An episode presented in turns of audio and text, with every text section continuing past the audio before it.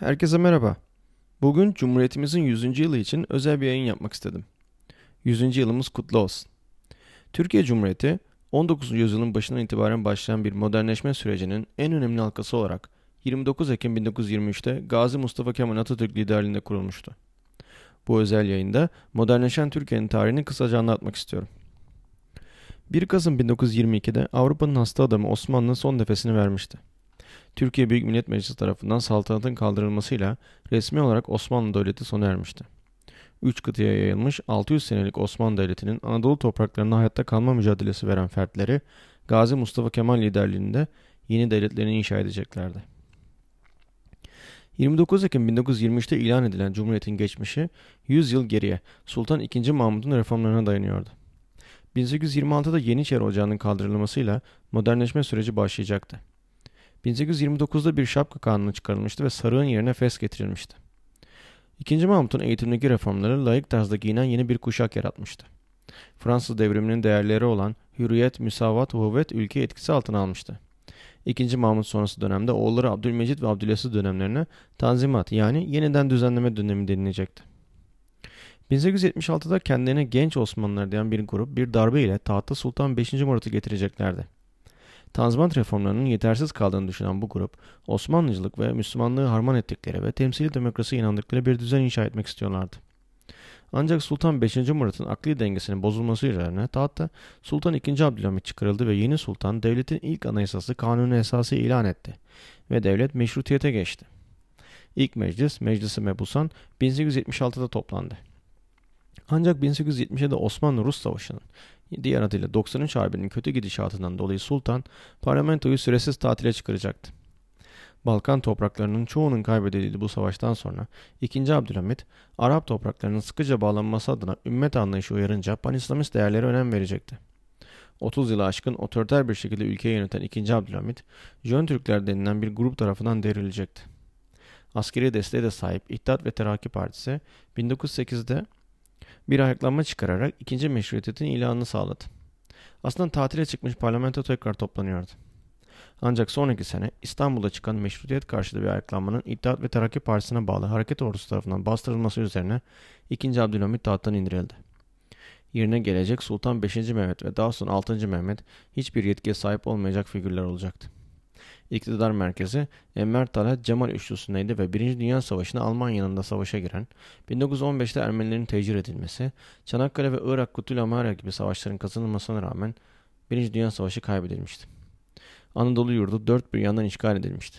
6. Mehmet Vahdettin tahtını koruyacağı bir anlaşma ile İngilizlerin desteğini arıyordu. Sevr Anlaşması ile Osmanlı Devleti varlığını koruyordu. İstanbul Osmanlı idaresinde kalmıştı. Ancak İzmir ve Trakya Yunanlılara verilmişti ve doğuda bir Ermeni devleti kuruluyordu ve birçok ağır şart içeren bir anlaşmaydı. Bugün dahi Servo sendromu dediğimiz Türk anayordunun parçalanma korkusunu yaşatan bir anlaşmaydı.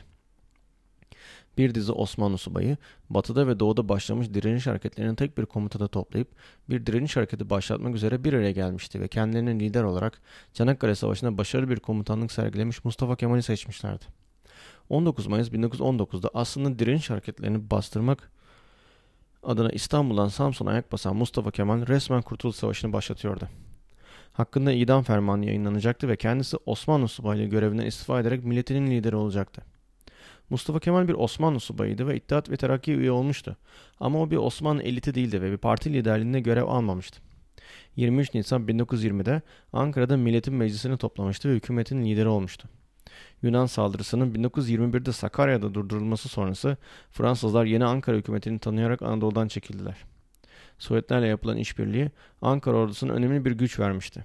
Nihayet Ağustos 1922'de karşı saldırıya geçen Türk ordusu 30 Ağustos'ta Yunan ordusunu ima ederek kalanları da İzmir'den sürmeyi başardı. Yunanistan'ın saf dışı bırakılmasıyla İngilizlerle anlaşılarak İstanbul ve Doğu Trakya'nın Türkiye iadesi sağlandı. Barış görüşmelerine padişahın ve İstanbul hükümetinin davet edilmesi üzerine bunu kabul edilemez bulan Mustafa Kemal saltanatı kaldırdı ve son padişah 6. Mehmet bir İngiliz gemisine binerek ülkeden kaçtı. Temmuz 1923'te Lozan Anlaşması ile dünya devletleri yeni Türkiye Devleti'ni, sınırlarını ve bağımsızlığını tanıdılar. 29 Ekim 1923'te yeni devlet cumhuriyeti ilan etti. Böylelikle bir asır önce başlamış olan Türkiye'nin modernleşmesi Cumhuriyet ile taşlanmıştı. Ama daha Mustafa Kemal'in aklında daha büyük devrimler vardı. Batı'yı kendine hayran bırakarak bir devrim hareketi başlatacaktı. Osmanlı'dan kalan hilafet makamı kaldırıldı. Tekkeler ve tarikatlar yasaklandı. Şeyhülislam makamı kaldırıldı ve din işleri devletin kontrolü altına alındı. Dini bir ayaklama başlatan Kürt hareketleri şiddetle bastırıldı. Çok partili sistemin devrimleri durduracağı düşünülerek yeni kurulmuş muhalefet partisi kapatıldı. Türkiye 1945'e kadar tek parti devleti olarak kalacaktı. Sultan Mahmut'un sarığı kaldırıp fesi getirmesi gibi Mustafa Kemal de fesi kaldırarak batı tarzı şapkayı getirdi. Kadınların kapanması yasaklanmadıysa da resmi kurumlarda ve okullarda yasaklandı. Avrupa tarzı kanunlar hayata geçirildi. Tek eşlilik ve kadınlara miras hakları getirildi. Birçok Avrupa devletinden önce kadınlara seçme ve seçilme hakkı verildi. Arap harflerinden Latin harflerine geçildi ve okuma seferberliği başlatıldı. Okuma yazma bilen insan sayısı hızla artacaktı. Birçok batı ve doğu eseri Türkçe'ye çevrildi. Kur'an-ı Kerim Türkçe'ye çevrildi ve ezan Türkçe okumaya başlandı. Paşa Bey gibi ünvanlar yasaklandı. Soyadı kanunu çıkarıldı. Mustafa Kemal Atatürk soyadını aldı. Birçok bilim adamı Almanya'dan Türkiye'ye gelip önemli çalışmalar yaptılar. Cumhuriyet altı ilke üzerine inşa ediliyordu. Cumhuriyetçilik, halkçılık, milliyetçilik, laiklik, devletçilik, inkılapçılık. Özel girişimin yetersiz kalmasından dolayı demir yolları ve büyük sanayi yatırımlarını devlet hayata geçirdi. 10 Kasım 1938'de Atatürk hayatını kaybetti. İkinci Dünya Savaşı'ndan sonra demokrasinin dünyada önem kazanması, Türkiye'nin çok partili döneme geçmesine sebep olacaktı. Yeni başlayan Amerika ve Sovyetler Birliği rekabetinde Türkiye, Batı'nın tarafını seçerek NATO'ya üye oldu. 1950'de Demokrat Parti'nin seçimleri kazanması Türkiye'de demokrasinin başlangıcı olarak lanse edildi. 1960 ve 1980'de iki askeri darbe ve 1971 ve 97'de muhtıralarla ve başarısız koalisyon hükümetleri ve ekonomik ve siyasi krizlerle dolu seneler geçirildi. Bu siyasi ve ekonomik krizlere tepki olarak halkın desteğini alan AKP, 2002 yılındaki seçimleri kazanarak o günden beri Türkiye yönetmektedir.